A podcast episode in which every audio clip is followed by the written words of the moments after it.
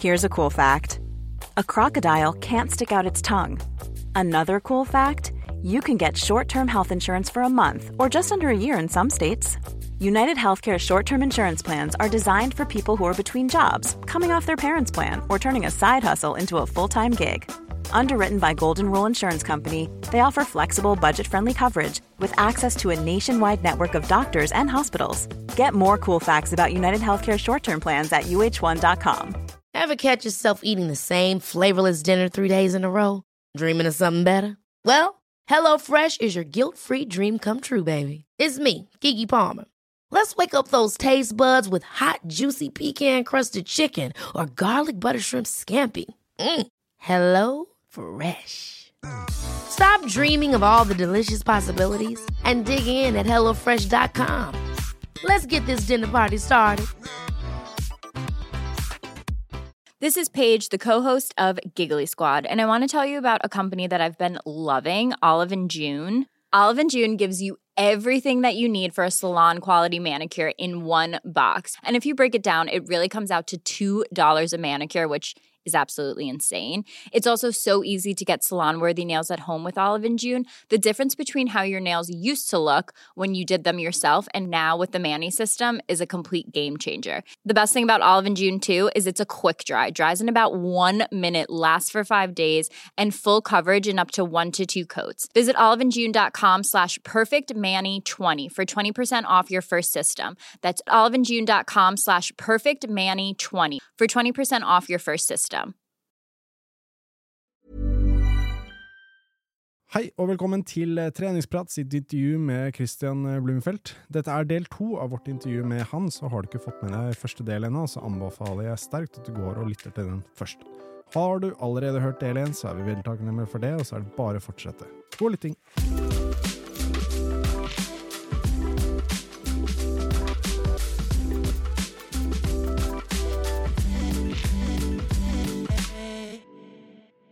Jeg synes Det er veldig artig å høre den eh, treningskunnskapen du besitter her fra utøverrollen. Skal du bli trener sjøl i framtiden? Ser du på det? Uh, hadde jo vært artig, da. Ja. Men uh, altså, jeg tror at vi har jo egentlig alltid hatt uh, hva si, filosofien om at smarte utøvere liksom, de som forstår mest, mm. de som også blir best. For du må ta så mange avgjørelser og, og må forstå hvordan kroppen fungerer. Mm. Uh, sånn at vi har ganske frie Ikke frie tøyler, men vi har liksom alltid en stemme i treningsprogrammet. Og så har vi en uh, vandrende professor da, med Olav. Uh, som, uh, han, er, han, har, han har vel ikke professorstatus, men han har jo på en måte foredrag hver kveld da, for oss. Ja. Så vi lærer jo på en måte av, av de beste. Ja. Og så har vi mange ja, teknologipartnere involvert med Santara Tech, som også kommer med sin ekspertise som vi liksom kan lære av. Mm. Sånn at Ja, vi har jo på en måte Det er jo kult å kunne jobbe med de som er helt, helt i verdenstoppen i, på sine felt. sammen på ernæring. sant? Vi har et veldig tett forhold med Morten, som virkelig pusher grensen for hvor mye Mm. opptak du kan få. og Liksom, vi gjør mye research med de òg, så du lærer jo hele tiden av folk som er helt, helt i, i toppen av det de holder på med. Ja, så du, du jobber da med den før de lanserer produktet, og lanserer produktet sammen og sånne ting, da? Ja, enten, det er utvikla produkt, eller uh, jobber med liksom Du sa Morten som et eksempel, så sitter vi og ser hvor mye vi kan ta opp Ja. i aktivitet. Ja. Så da måler de pusten vår. De tar sånne noen greier de kan uh, Noe sånn Dobbeltisotoper, så de kan sjekke i pusten vår, så du kan se hvor mye av det vi drikker under aktivitet, blir tatt opp mens vi løper. Uh, for å se liksom om vi faktisk kan pushe grensen på å ta enda mer eh, kalorier opp under aktivitet. Eller i hvilken slags intensitet vi kunne holde. Det har vel, det har vel vært lenge sånn liksom den uskrevne regelen har vært eh, bare sånn, så du går jo bare direkte inn på karb, da, karbohydrater. Så har det vært snakk om 90 gram karbohydrater, liksom. Det, det alle burde være Det er den, den go Det to er man tar. liksom. Ja. Men du kjører bare større og større bevis på at du kan pushe den høyere og høyere og høyere. Ja, Ja, så det- opptaksmessig. Så det er jo litt det som er problemet med mye av forskningen. Det er gjort på mosjonister. Ja. Og de uh, Hvis du går fra mosjonist til elite, så er ofte eliten eller liksom de i verdenstoppen de er kanskje enda mer sånn der outsidere. liksom Ja. helt push, Pusher liksom alt. Opptak og mye mer til det ekstreme. Mm. Uh, så det er derfor vi prøver å gjøre mest mulig av uh, researchen på oss uh, sjøl. Mm. For da har vi mer uh, Ja, vi kan få egentlig andre tall, kanskje, i forhold til hva vi responderer på, hvor mye opptak vi kan ha, og prøver egentlig å bruke treningen til eh, som en slags læringsarena. Mm. Og det har dere lykkes med i stor grad, da. Ja, ja, ja. Som eksempel på Det er vel ikke så mange som har hatt så mye. Ligger vel på kanskje 100 120-140 gram i timen når vi kjører en full distanse. Mm. Eh, og hvis du tenker liksom det i forhold til hvor mye energi blir, eller hvor mye watt du faktisk kan øke på sykkel Mm. ved å ta i en-to ekstra gel i timen, Ja. så er det plutselig ja, 30, 30 watt kanskje, sant? uten Ja. at du går tom, uten at det får konsekvenser for løpingen. Ja, sykt. Og så har du fortsatt folk som eh, tenker heller mer på Uh, hvor man skal kutte, spare tid på liksom, ledninger, på, liksom, på sånne ting, og så glemmer de helt den næringsbiten. da. Kanskje ikke glemmer helt, men optimaliserer ikke nok der. da. Så det er mye man kan gjøre, så klart. Det er det som er litt sånn kult med sykling og triatlon spesielt, da. At du kan gjøre veldig mye med det utstyret. Men du kan gjøre enda mer hvis du gjør både utstyr og det du inntar, da. Ja, ja. Så det er jo ja, egentlig ekstremt mye du kan ha fokus på liksom, for å liksom, bli bedre på. Sant? Er jo Mm. både aerodynamiske du har Men kanskje aerodynamisk kan kanskje gå på bekostning av vann. Du må Mm. finne noe som både går raskt, men hvor du er komfortabel, hvor du kan løpe raskt av sykkel, Mm. og hvor du bruker de riktige muskelfibrene eller muskelgruppene, så løper seg fint Mm. etter sykkel. Og ja, så har du liksom utstyrsdetaljene i forhold til aerodynamikk på utstyret, og så har jo du det du lærer på trening sant? i forhold til å optimalisere energisystemet til å være effektivt over lengre distanser. Mm. Så det er jo ekstremt mye som du kan bli bedre på, men jo, jo mer sånne ting, jo lettere er det å miste liksom, kontroll på de ballhøra luften. Ja. Så Ja. det er jo vanskelig nå med å kjøre langdistanse og kortdistanse. Det er at du bruker to forskjellige sykler, Mm. og for eksempel eh, eh, posisjon på setet på en temposykkel er jo kanskje lengre fremme, så du bruker mer eh, lårmuskulatur, mindre hamstring, Mm. i forhold til hvis du er på en landeveissykkel. Og det kan jo påvirke steget Ja. når du går av sykkel. Mm. Um, sånn at det er ja, vanskelig å beholde liksom, både tekniske på en landeveissykkel og det aerodynamiske, og kunne ligge i bøyle uten å få vondt i skuldrene. Ja. Ja. Jeg syns Du jo skulle det hatt flere timer i døgnet, vet du. Ja, ja, tenk på det. Jeg skal akkurat til å si det. Hadde vi fått opp på 30 timer, så hadde vi kunne Da hadde det vært eh, overkommelig å fått inn alt. Ja, ja. Vi, synes- vi hadde jo en eh, vinter hvor vi eh, begynte, begynte med tidssoneakklimatiseringa. Tror jeg Ja. Gustav, Gustav skrev det på Strava at vi har begynt med For folk spurte hvorfor vi begynte å trene klokken fire om natten og 3.30 om natten. Ja. Skrev han at eh, vi har begynt med åtte ganger 21 timers uker. Fordi, da fikk vi inn en ekstra dag i uken. Ja. så det var det spansk side som begynte å skrive om at de er syke nå, men de har begynt med åtte ukers uh, trenings... eh, Det kommer til et nivå dere må bare tenke over alt dere skriver og sier, før de tar det bokstavelig, liksom. ja, folk tar det. Men der går vi inn på et tema som vi har snakket litt om, med tanke på at man kopierer litt hva idrettsutøvere gjør. Men eh, hvis man da i tillegg har jobb og andre ting som man må gjøre i tillegg, og da får man ikke den hvilen til, da, med folk da som f.eks. står opp fem på morgenen da, for å få inn en god sykkeltur før jobb, og så har de masse aktivitet på ettermiddagen med andre ting, og så sover de da fem timer hver natt i flere måneder for å gjøre seg klar til en Ironman, da, og ender opp med å eh, ja. Eh, De, de samme folkene der som nevner som sover de fem timene, prioriterer å sove mindre og heller ta et isbad, eller skal inn i saunaen Ja, bare badstue gjøre og gjøre alle de restitusjonstingene som, som man har hørt om er så bra, da. Ja. Ja, Men det, så husker jeg dere sa det veldig enkelt på en podkast, bare sånn sove nok og spise nok. ja, sånn at det er jo Altså, når vi føler at vi ikke har tid til å drive med isball og altså, Ja. Først det tror ikke jeg de gir noen gevinst. Nei. Så tror ikke jeg de gir gevinst for en som er i tidsklemmen, sant. Men jeg tror det er viktig liksom, det å ha balanse i livet. Mm. Uh, hvis du presser inn timen uten at du får sove nok, så vil du ikke få den fremgangen. Ja. Du vil bare grave det ned i et, i et uh, hull hvor du kanskje blir seigere og seigere, og du klarer ikke å gjøre intervallet, men du føler deg OK på det rolige. For det, ja, det, du bare graver deg ned uten å få den fremgangen. Da er det kanskje på tide å trene litt mindre. Mm. For i hvert fall, ja, du, du bør jo ha balanse hvis du har et familieliv, sant. Så kan ikke du bare fokusere på deg sjøl. Det er, det er litt sånn litt sånn egoistisk eh, eh, aktivitet å gjøre, å gjøre seg opp til en Ironman. Så du må, du må i hvert fall ha støtten rundt deg da, til, å, Ja. til å kunne klare det ordentlig. Det er nok av de som har eh, ofret familieliv for Ja, ja, å kjøre en Ironman. Sånn at det er viktig å Altså, du skal selvfølgelig eh, kunne prioritere litt egen tid og trening òg. Ja. Men det er jo den balansen at uh, du har lyst til at uh, det kan jo være litt vanskelig å måtte forsvare hvorfor man må, må ut i fem timer, da. Ja. På en sykkeltur i fem timer. Bare sånn, ja, men kan du ikke Kan du ikke ha en litt kortere tur? Sånn vi, vi skal jo i Dyreparken i dag. Men så, nei, men man må jo ut og liksom øve seg på å være på sykkelen lenge og sånne ting. Så. Ja, OK, tar fire timer og 45 Ok, minutter, så kutter 15. Det er Og så er du sånn skikkelig sliten, og du har egentlig bare lyst til å slappe av, du må restituere litt. Så bare sånn Nei, men nå skal vi ut og Mm. ut til svigers eller annet sånt. Men det er jo altså Det er jo Du har jo tatt valg om du vil bli Ja, om du, om du vil ha familie og Ja. unger og barn. Mm. Og da kommer jo forpliktelser der.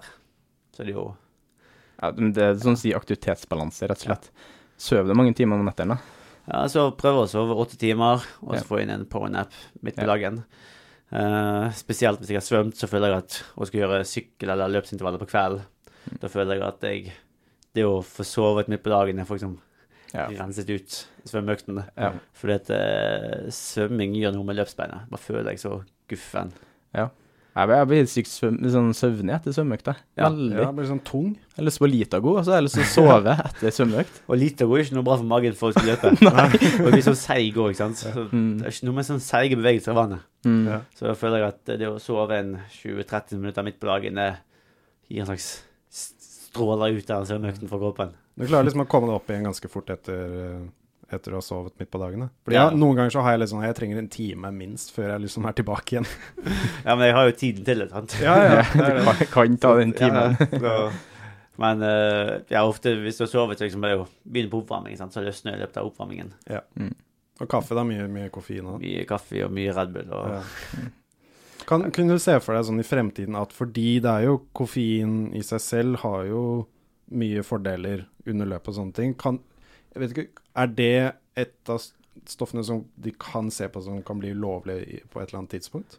Nei, jeg tror ikke det. Altså, de prøvde vel for noen år siden, eh, eller jeg så vel på mulighetene, men eh, det er jo i så mye naturlige Ja. produkter Mm. at uh, det, den tror jeg er lagt fra seg. Jeg syns det er interessant å se uh, hvor mange folk som nesten uh, De lar koffein styre intensiteten på treninga si. Det syns jeg er litt interessant. Så de tar La oss si man tar eh, espresso-shot ganger tre, da, som Mm. mange kanskje velger å gjøre, eller en Red Bull, da, for eksempel, eller to Red Bull. da. Og så får man den, får jo en boosten i deg, en lille kick i deg, adrenalin i deg. Og så begynner du å styre treninga etter det. Mm. Det burde man ikke gjøre. Nei, jeg vil heller, eh, hvis du har treningsprogrammet, så kan du heller bruke koffein til måtte støtteapparat rundt. da. Ja. Så hvis du vet at du har intervaller, så tar du koffein litt som du gjør på konkurranse. Du Mm. tar det en time før, og så Du vil jo helst ikke gjøre det på kveldsøkt, for du får ikke sove. Mm. Uh, og så kan du bruke de rolige dagene på å ta mindre koffein. Mm. Du føler jo deg mer uh, guffen i kroppen. Det er kanskje begrense begrenser litt, grann, for du tar ikke de akselerasjonene når du sitter og sykler eh, rolig langtur med eh, i gruppen. sant? Du føler deg som er sånn begrenset. Mm. Så noen ganger gjør jeg det etter konkurranse. at Jeg prøver egentlig bare ta ingen koffein dagen derpå. Mm. For da bare føler jeg meg så råtten i hele kroppen. Det går sakte på løp, det går sakte i vannet. Ja. Men da dagen etterpå igjen, ta litt koffein igjen, da er jeg tilbake igjen. Ja. Jeg husker jo den en nylig podkast her med How They Train. Der snakka du om den historien eh, med, til Sam Laidlow. Eh, åtte espresso shots, var det den kjørte i kaffen sin? Det var jo ikke sånn. Altså, det var ikke bare det. Altså, vi satt på frokosten, etter frokosten, liksom bare ventet liksom skilt og tok litt kaffe oppe i, i loungen eh, i Samorin. Ja. Og så begynner han å spørre liksom, om koffein og hvor mye koffein vi tar og sånn. da. Liksom, jeg drikker kaffe nå. Og jeg, jeg, gidder ikke å gå lav for så å gå høy på koffeinen. Det går bare fra høyt til høyere. og så Livet er for kort til å ikke drikke kaffe. Og så um, begynner han «Hæ, Hvor mye vi tar tar han et par kopper, sant? Ser jeg han begynner å ta oppi sånn espresso oppi drikkeflasken sin. Tenker ikke, ikke så mye over, så jeg syns det er litt rart at han driver med det. Men det er ikke med at han tok mine råd så kjapt.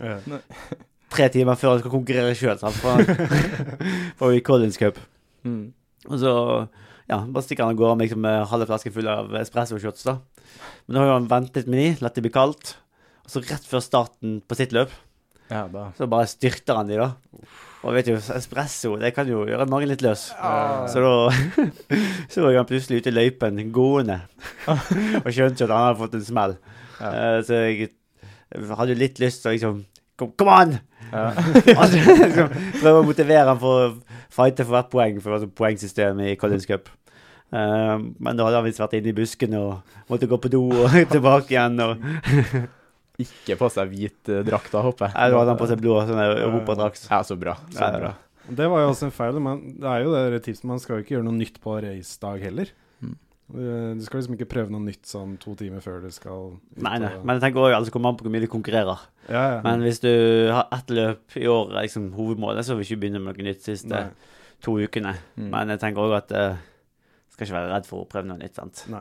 Skal du kjøre en uh, perseløp på 10 km, så kan du prøve Så ikke er der liksom du skal holde igjen, tenker jeg. Hvis du skal Mm. kjøre noe en arm eller noe sånt i utlandet eller ja, Mm. i Norge. Du får så ærlige svar, vet du. Ja. Funker eller funker det ikke? Ja, ja, ja. Ja, ja. Men det, det er akkurat det, da. At eh, du tar med en Hvis du er åpen til å ta med en erfaring rundt det, og kanskje Kanskje får du en I beste fall så får du en supererfaring og tenker det her funka jo som bare det, så kan Ja. du bygge videre på det. Og I det verste fall så eh, funka ikke, men du fullførte mest trolig, da. Men man reagerer jo også veldig, i hvert fall på de der gelsene som vi bruker fra Fuel of Norway med koffein. De reagerer jeg skikkelig på, merker jeg. Selv om jeg drikker mye kaffe fra før av, toleransen for koffein føler jeg er ganske høy. Hvis Ja. jeg tar én sånn en, så jeg, klarer jeg ikke å sitte stille. Da sitter jeg liksom og trapper sånn. Så jeg må ta den egentlig rett før svømmingen. Ja. Hvis jeg tar den en time før, sånn som Anders tar den liksom litt uh, tidligere. Men jeg klarer ikke det, for jeg klarer ikke å sitte stille. Jeg bare sånn bare Start skal du gå, la, vær så snill. Liksom Ja. komme i gang. Det, det kicker den veldig, veldig fort. Og så er det litt det med nerver òg, hvis du ikke tar den på trening, og plutselig tar den en time før. Da kjenner du da vet du ikke helt hvordan du skal kjenne deg ut på oppvarmingen. Ja, ja. Mm. Eh, Så jeg tror òg det kan være greit å begynne med litt sånn uh, konkurranseernæring på trening. ja, ja. Så hvis du f.eks. har en nøkkeløkt uh, i helgene, hvor du kjører virkelig enten en tøff baneøkt eller en brikkøkt, og har tilsvarende konkurranseernæring, Mm. både med oppladning i forhold til når du spiser før økten, om det er to timer før, om du spiser ganske enkelt brødskiver med noe syltetøy, eller Ja, det er det du vil gjøre på konkurransen, Mm. og så uh, gjør du oppvarming som vi gjør på konkurransen, og så liksom er du på. Så tror jeg uh, du vil få mer sånn behag med hvordan det er på konkurransedagen. Og så får du òg en bedre økt av det òg. Ja, Sant. ikke minst. Så folk tenker at du bare gjør det for å bli konkurranseklar. Ja. Men det er jo på en måte òg å løfte nivået på de nøkkeløktene du gjør òg. For det er en grunn for at du gjør det på konkurranse. Det er at du kan løpe litt fortere hvis du har riktig ernæring. Ja. Så du kan gjøre det på de treningsøktene òg, så vil du få nivået litt høyere opp. Mm. Og det har mye å si. I hvert Ja. fall på, hvert fall på de distansene man kjører i triatlon. Det har veldig mye å si. Jeg syns det var litt interessant. Du sa at du, du blir nervøs for de nøkkeløktene. Blir det veldig blir Ja, det er ikke, kanskje ikke nervøs, men sånn spent på samme måte som en konkurranse. Ja. Sånn at eh, du, du på en måte gleder deg på samme måte. Du Mm. tenker at det, det er en viktig økt, sant. Ja. Eh, nå skal jeg være på, nå skal jeg telle deg liksom ned kvelden kveld før, gjør du litt ekstra forberedelse. Spiser kanskje litt ekstra karbohydrater for å få liksom opp. Mm. eh, være ekstra klar for dagen, for neste dagen. Sånn at eh, Og hvis du har på en måte samme innstilling til en treningsøkt, så tror jeg det kan være enklere liksom, å ha rutiner mot konkurranse òg. Mm. Så det er ikke noe nytt at nå er det viktig i helgen, for nå er det konkurranse. Det var like viktig forrige helg og Mm. helgen før. Ja, sant. Det er litt spenningsnivå. spenningsnivået. Bare klar, å holde det i takt. Jeg kjenner jo sjøl nå etter jeg hadde ei helg i London, og egentlig bare hovedsakelig løping på menyen da. Jeg kjenner bare nå, jeg er så sykt spent på sykkeløkta mi i morgen. Jeg har liksom vært sånn Kom igjen. Ja, ja. La den komme, liksom. Så vi skal bruke dagen i dag til å spise litt godt på kvelden og lade opp til den. da. Og så Men du, merker, du merker kanskje hvis du Hvis det har en hektisk liksom, periode sjøl, hvor man gjør mye sånn sponsorgreier og Mm. filming og støy rundt, da får du ikke ladet opp til de øktene eh, like bra, sant. Ja. Mm. Og da merker jeg liksom at det er mye vanskeligere å liksom være på mentalt. Det er det er liksom ikke bare en bryter bare kan OK, da skal jeg være på. Mm. Det er liksom Du må bygge opp, liksom være klar og eh, føle at du har nesten ventet på økten. Blir, du, blir du lei noen gang? Ja, altså, det er jo uh, Spesielt konkurranse går dårlig, blir liksom, du blir jo deppet av det, sant. Ja. Uh, og det tenker jeg det er greit, for det viser vel at det betyr litt, sant. Ja. Uh, jeg tror hvis du liksom er likegyldig i forhold til resultatet, Ja. hvis det går dårlig, da Ja, da betyr det ikke nok. Man, har jo liksom, man kan jo ha en dårlig dag på jobb. Det, jeg, kan jo tenke, jeg tenker liksom selv med sånn, kreative og sånne ting, så jeg gjør det dårlig på en jobb, så tenker jeg OK, jeg, jeg gir opp. Drar og blir surfeinstruktør eller gjør noe helt annet. Jeg bare sånn, jeg legger opp, jeg gidder ikke mer. Jeg er ikke liksom Jeg er ikke skapt for dette her, da. Ja. Og man har jo det også, sånn idrettsutøvere har sett også det for eh, topp surfere og, og triatleter og sånt. De sier det sånn Hvis de taper et løp, så er det sånn Jeg gidder ikke mer. Jeg bare sånn, Hvorfor gjør jeg dette her? Det er ikke noe vits. Sånn, man har liksom sånn nede, så kommer jeg så opp igjen. Det er sånn, OK, nå kan vi fortsette. Jeg tror det er forskjellig. Altså I hvert fall konkurransene, så vil jo på en måte Du vil jo komme ut på toppen. Sant? Du vil jo på en måte mestre det. Mens en, trening, en vanlig treningsdag, så har jo du økter hvor det egentlig bare nesten handler om å gjennomføre. sant? Bare krysse av boksen. Eh, men så handler det om å få færrest mulig av de øktene, og få flest mulig økter som går i riktig retning. Én av tre var det noen som jeg hørte sa. Sånn én av tre økter kommer til å være skipet. Ja, jeg håper i hvert fall jeg har litt, litt færre. Ja, litt si. færre, ja. Eller noen, noen økter er sånn en rolig løpeøkt, sant. Det er Kanskje får vi effekt av den òg, men eh, du kan kanskje ha litt mindre Ikke du vil ha fokus på den òg, sant, Ja. men eh, eh, det er på en måte de nøkkeløktene som er på en måte heldige. Vil du si eh, Så klart du vet at det er varierende hvor mange lange treningsuker og timer man har i uka. Hvor mange timer sånn cirka vil du si du legger ned i uka? Sånn Det blir vel kanskje 1300 i året, Ja. og da blir det kanskje en treningsleiruke er vel kanskje 30 timer. mm. noen er litt over. Mens det en konkurranseuke kanskje 20-22. Mm. Og for du mister jo en del trening når du reiser og, og sånt. Uh, så vi pusher ikke timeantallet så mye mer. Nei. Da prøver vi heller å løfte opp eh, intensiteten på det vi gjør. Mm. Så vi har ligget på rundt 1300 i sikkert ti år. Ja. Mye trening, rett og Mye trening. Så Jeg de der 10 10 000 timers uh, regel er passert for lenge siden. Ferdig med den. Nå er det mer 20 000 sånn, vi jakter. Eh, jeg syns det er litt interessant, for at det snakkes jo så mye om eh, I norske media snakkes det mye om mange ulike idretter, men jeg syns det ikke snakkes snak, Det ble snakka litt mer om triatlon etter OL-gullet ditt, men så syns jeg liksom den, den er litt sånn dalende igjen. At det er litt sånn, ok, det er et Mm. nytt OL-gull som trengs igjen før det snakkes Ja. litt om, og så kanskje blir bølgene bølgende igjen.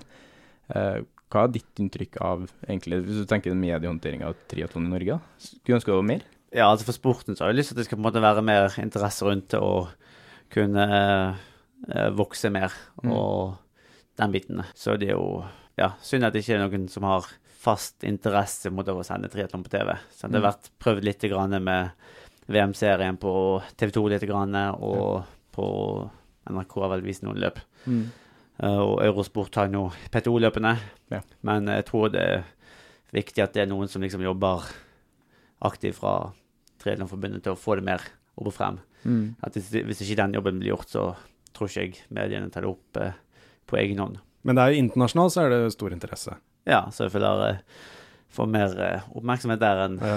eh, hjemme. Ja. Men eh, ja, så er vi jo mest i utlandet òg. Når du går rundt i gatene her i Norge, er det folk som bare spurter bort til deg, liksom sånn, eller blir det litt mer sånn anonym Det er ingen som spurter bort.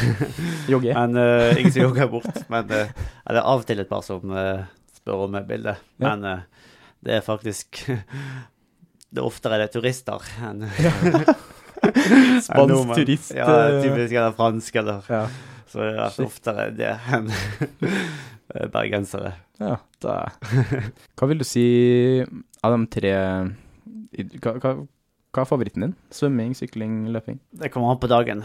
Altså, svømming er kanskje en som er mest oftest kjipt. Mm. Altså, det å gå i basseng og se på klokken at uh, tiden er ikke der du vil at det skal være, og du er litt sliten for dagen før.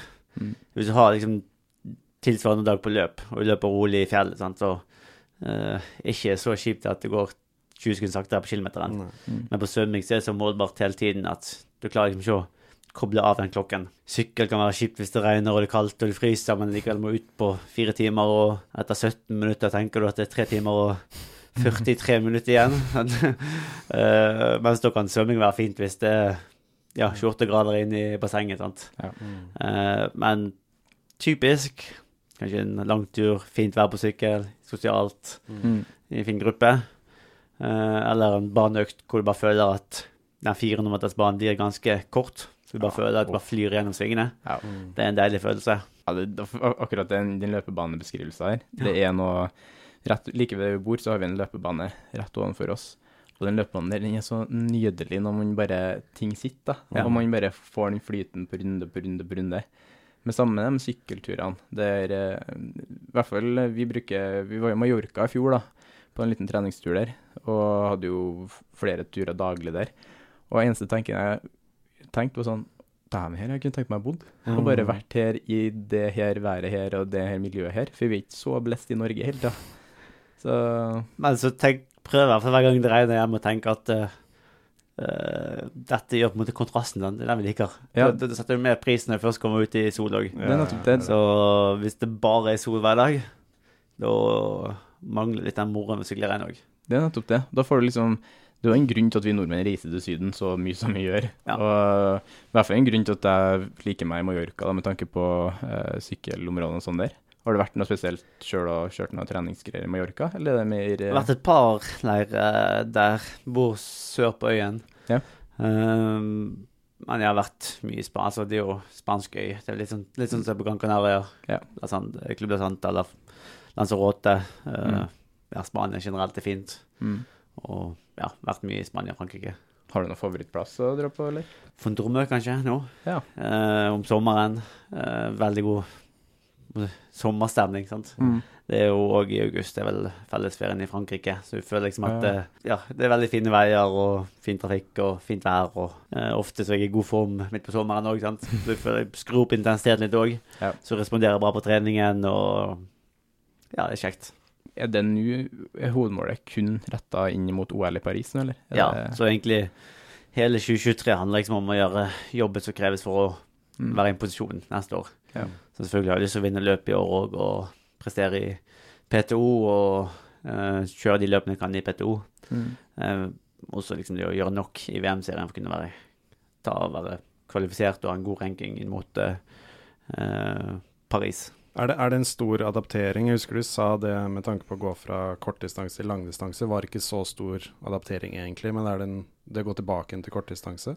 Det har gått greit. Ja. Uh, jeg fikk jo greie løp i fjor i Bermuda og Abu Dhabi. Og så har det vært litt mer dårlig vinter si, med trening i, i år. Litt mye sykdom.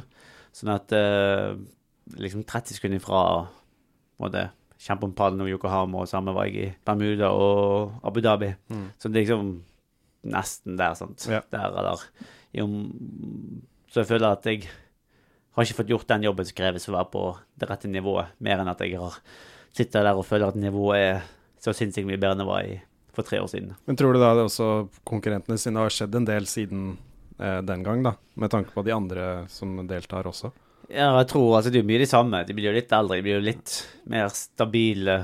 Spesielt Alexi og Hayden Wild, kanskje. sant? De Ja. har jo alltid vært gode på løp. Så selv om de kanskje ikke blir så mye raskere på løp, så kan de kanskje heve nivået på svøm og sykkel, som gjør at de blir uh, mer stabile. Mm. Um, og det er vel de som er Virker som at de argeste konkurrentene. Kanskje sammen med Leo nå, eh, fra Frankrike. Men jeg tenker liksom at nivået generelt hever seg fra, Mm. fra hver olympiske syklus, sånn som gjør i alle andre idretter. Du vil si at du sjøl òg hever der? Ja, ja. Ja. Uh, altså, jeg er ikke jeg er ikke på det kortdistansenivået nå som jeg var for to år siden. Nei. Men sånn kapasiteten er jo ja, tilsvarende god, sant. Mm. Jeg har på en måte strekt mye mer i bredden, mer enn å kunne løfte det opp nå. Mm. Så jeg føler at hvis jeg gjør en blokk nå med to måneder med mer konkurransespesifikk trening inn mot kortdistanse, så vil jeg eh, være tilbake der. Ja. Så det er ikke sånn skremmende løpsfart de har. Det er mer at jeg Mm. vet at jeg har ikke fått gjort nok. Er Paris den siste olympiske syklusen din? Jeg vet ikke. Uh, Ellie kan være fint. Ja. Men eh, ja, det kommer an på litt forskjellige ting. Ja. Jeg har full forståelse for det. Enn uh, Ironman, da? Er det Ja, så etter Paris så er jo det Kona, bang, Ja, ja, ja. ta, den, ta det løpet, sant. Og så er det NIS i 25. Ja. Så jeg syns det er ganske kult at det er to forskjellige liksom, løp, da.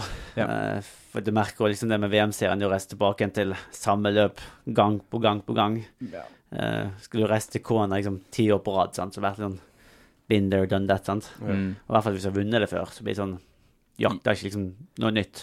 Jan, liksom. Ja, Ja. sant. Skal vinne for åttende gang. Mens det, for da, da føler jeg på en måte at du må være på samme nivå som var i året før. Sant? Det er ikke noe sånn Mens det å faktisk ha så to forskjellige løp med to forskjellige løyper, sant? det er jo veldig kupert i, i NIS. Det gjør jo at du har på en måte noe annet fokus du må vri om, og kommer sikkert til å være et par måneder om vinteren i NIS i, fra 24 til 25. Mm. For egentlig bare terpe inn den løypen og føle at det er liksom i min bakgård, sant. Ja, Kult. Ja, og så etter 25 så får vi se hva som skjer. Ja, spennende.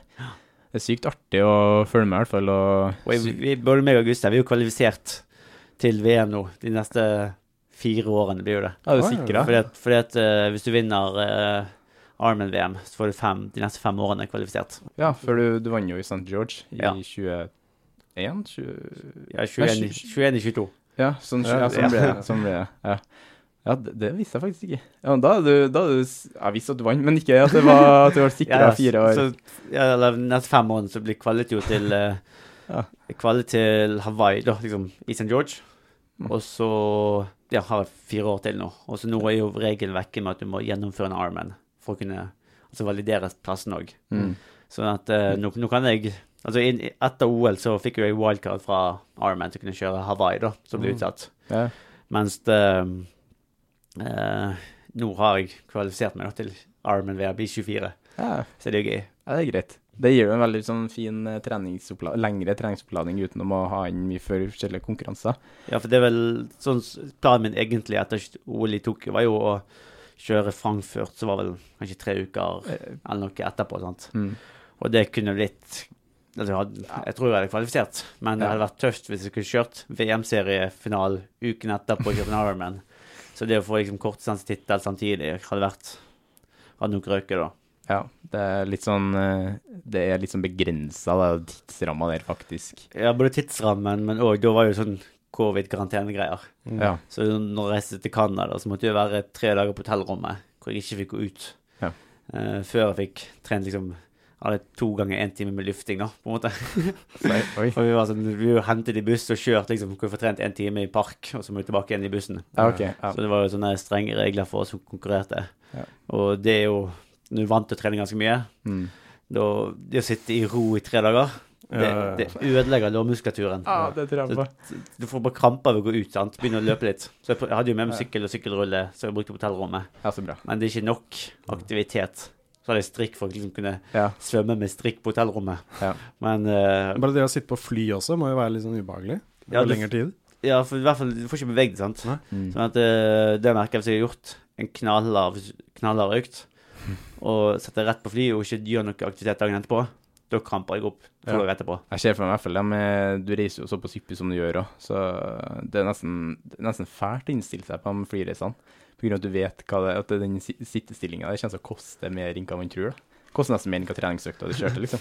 Ja, det er jo det. Så, men du begynner å liksom få et par triks i forhold liksom, du, du begynner å stå opp litt mer og kanskje strekke ut litt mer på beina og Ja.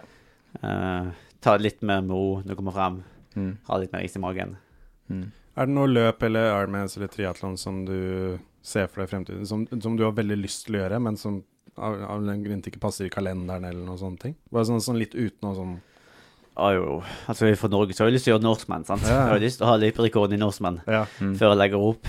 Um, det er jo kanskje det løpet som har betydd mest for triatlon i Norge. ja. Skapt den interessen og uh, ja, bidratt veldig positivt inn, inn i sporten.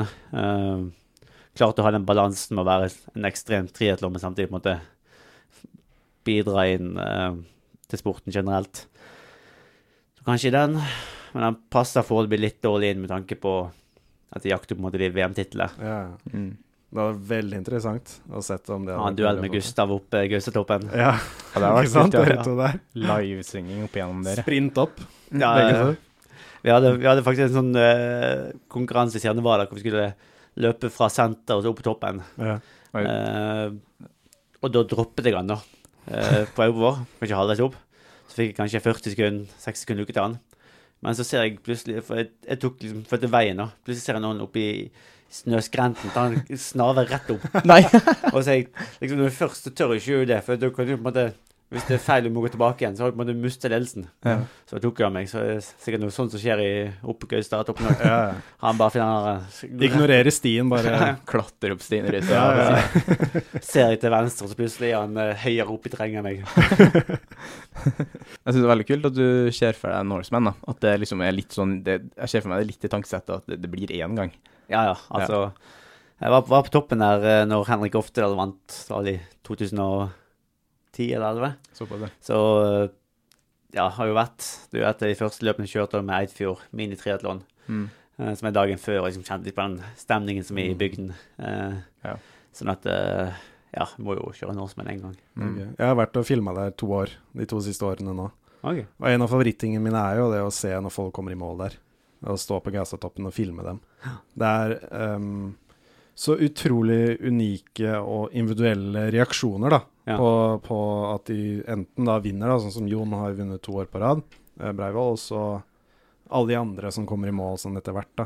Voksne menn som knekker sammen og begynner Ja, å grine. ja, ja. Men de er sånn, de er helt sånn, de, de har sett Gud, liksom. De er sånn, de er helt fjerne. De har, de har tenkt på livet og filosofisk, og de har så mye å komme med.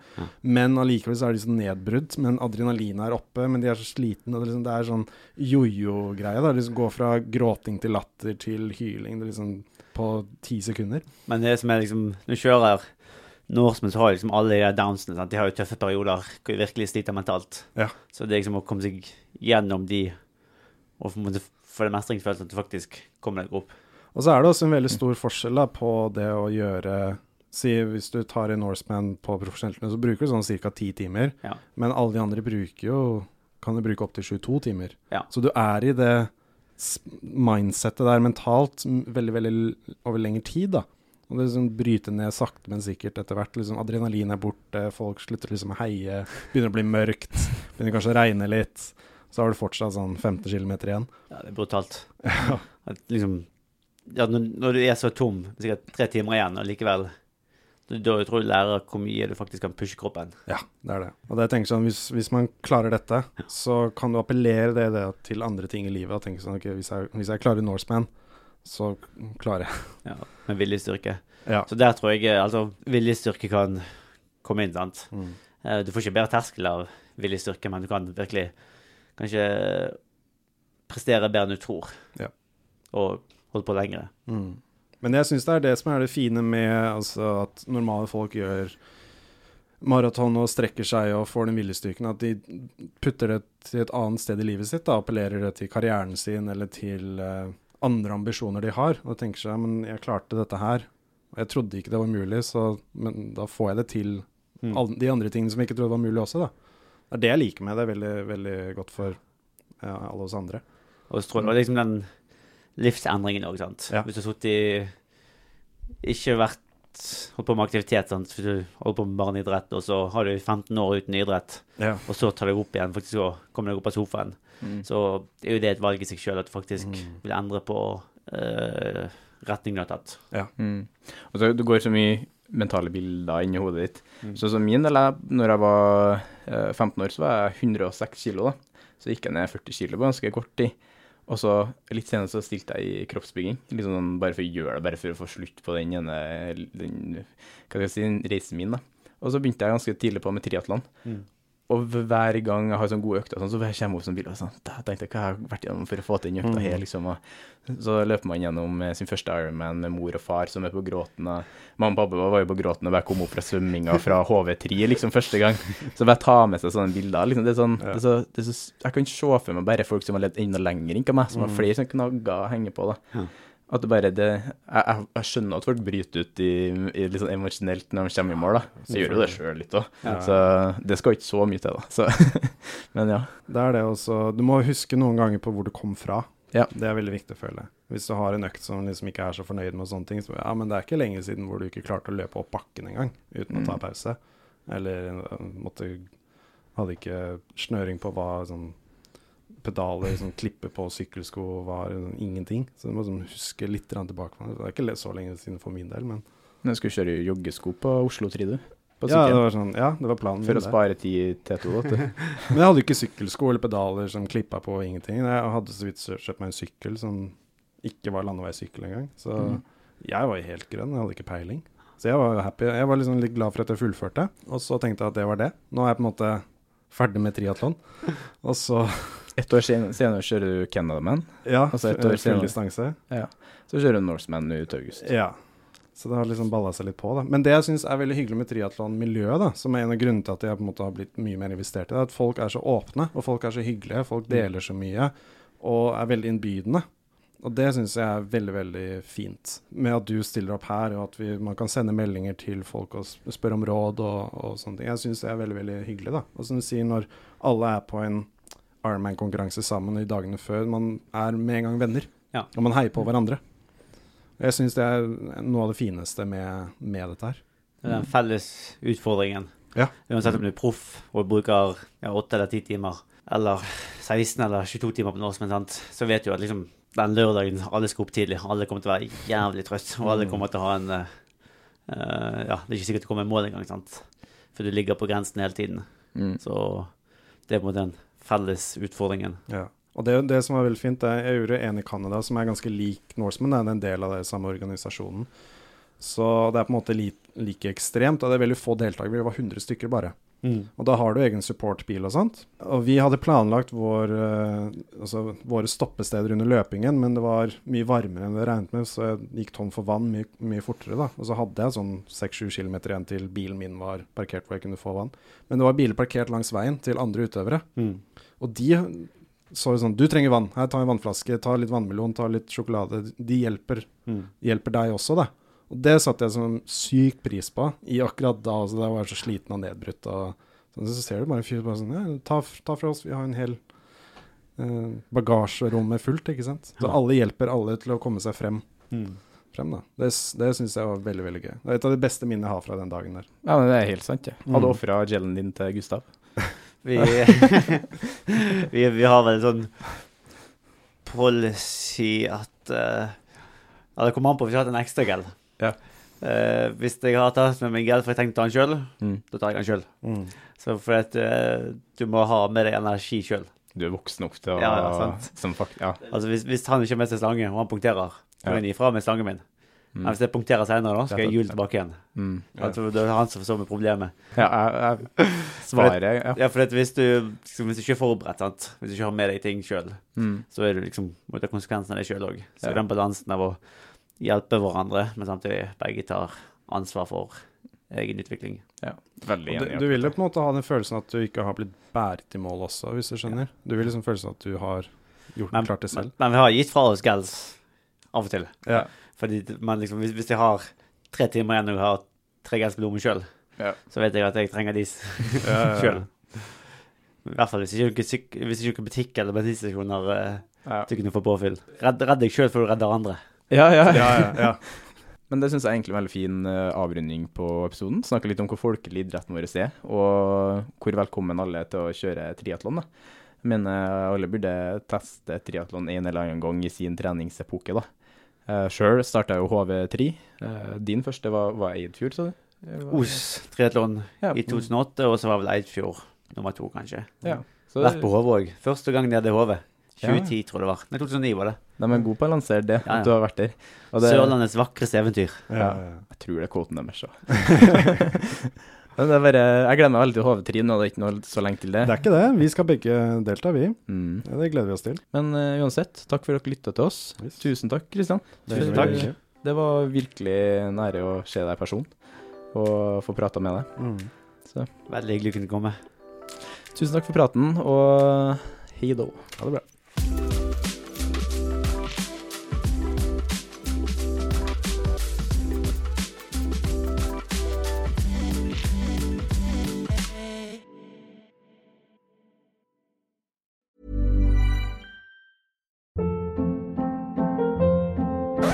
Hold up. What was that? Boring. No flavor. That was as bad as those leftovers you ate all week. Kiki Palmer here, and it's time to say hello to something fresh and guilt-free. Hello Fresh. Jazz up dinner with pecan-crusted chicken or garlic butter shrimp scampi. Now that's music to my mouth. Hello Fresh. Let's get this dinner party started. Discover all the delicious possibilities at hellofresh.com.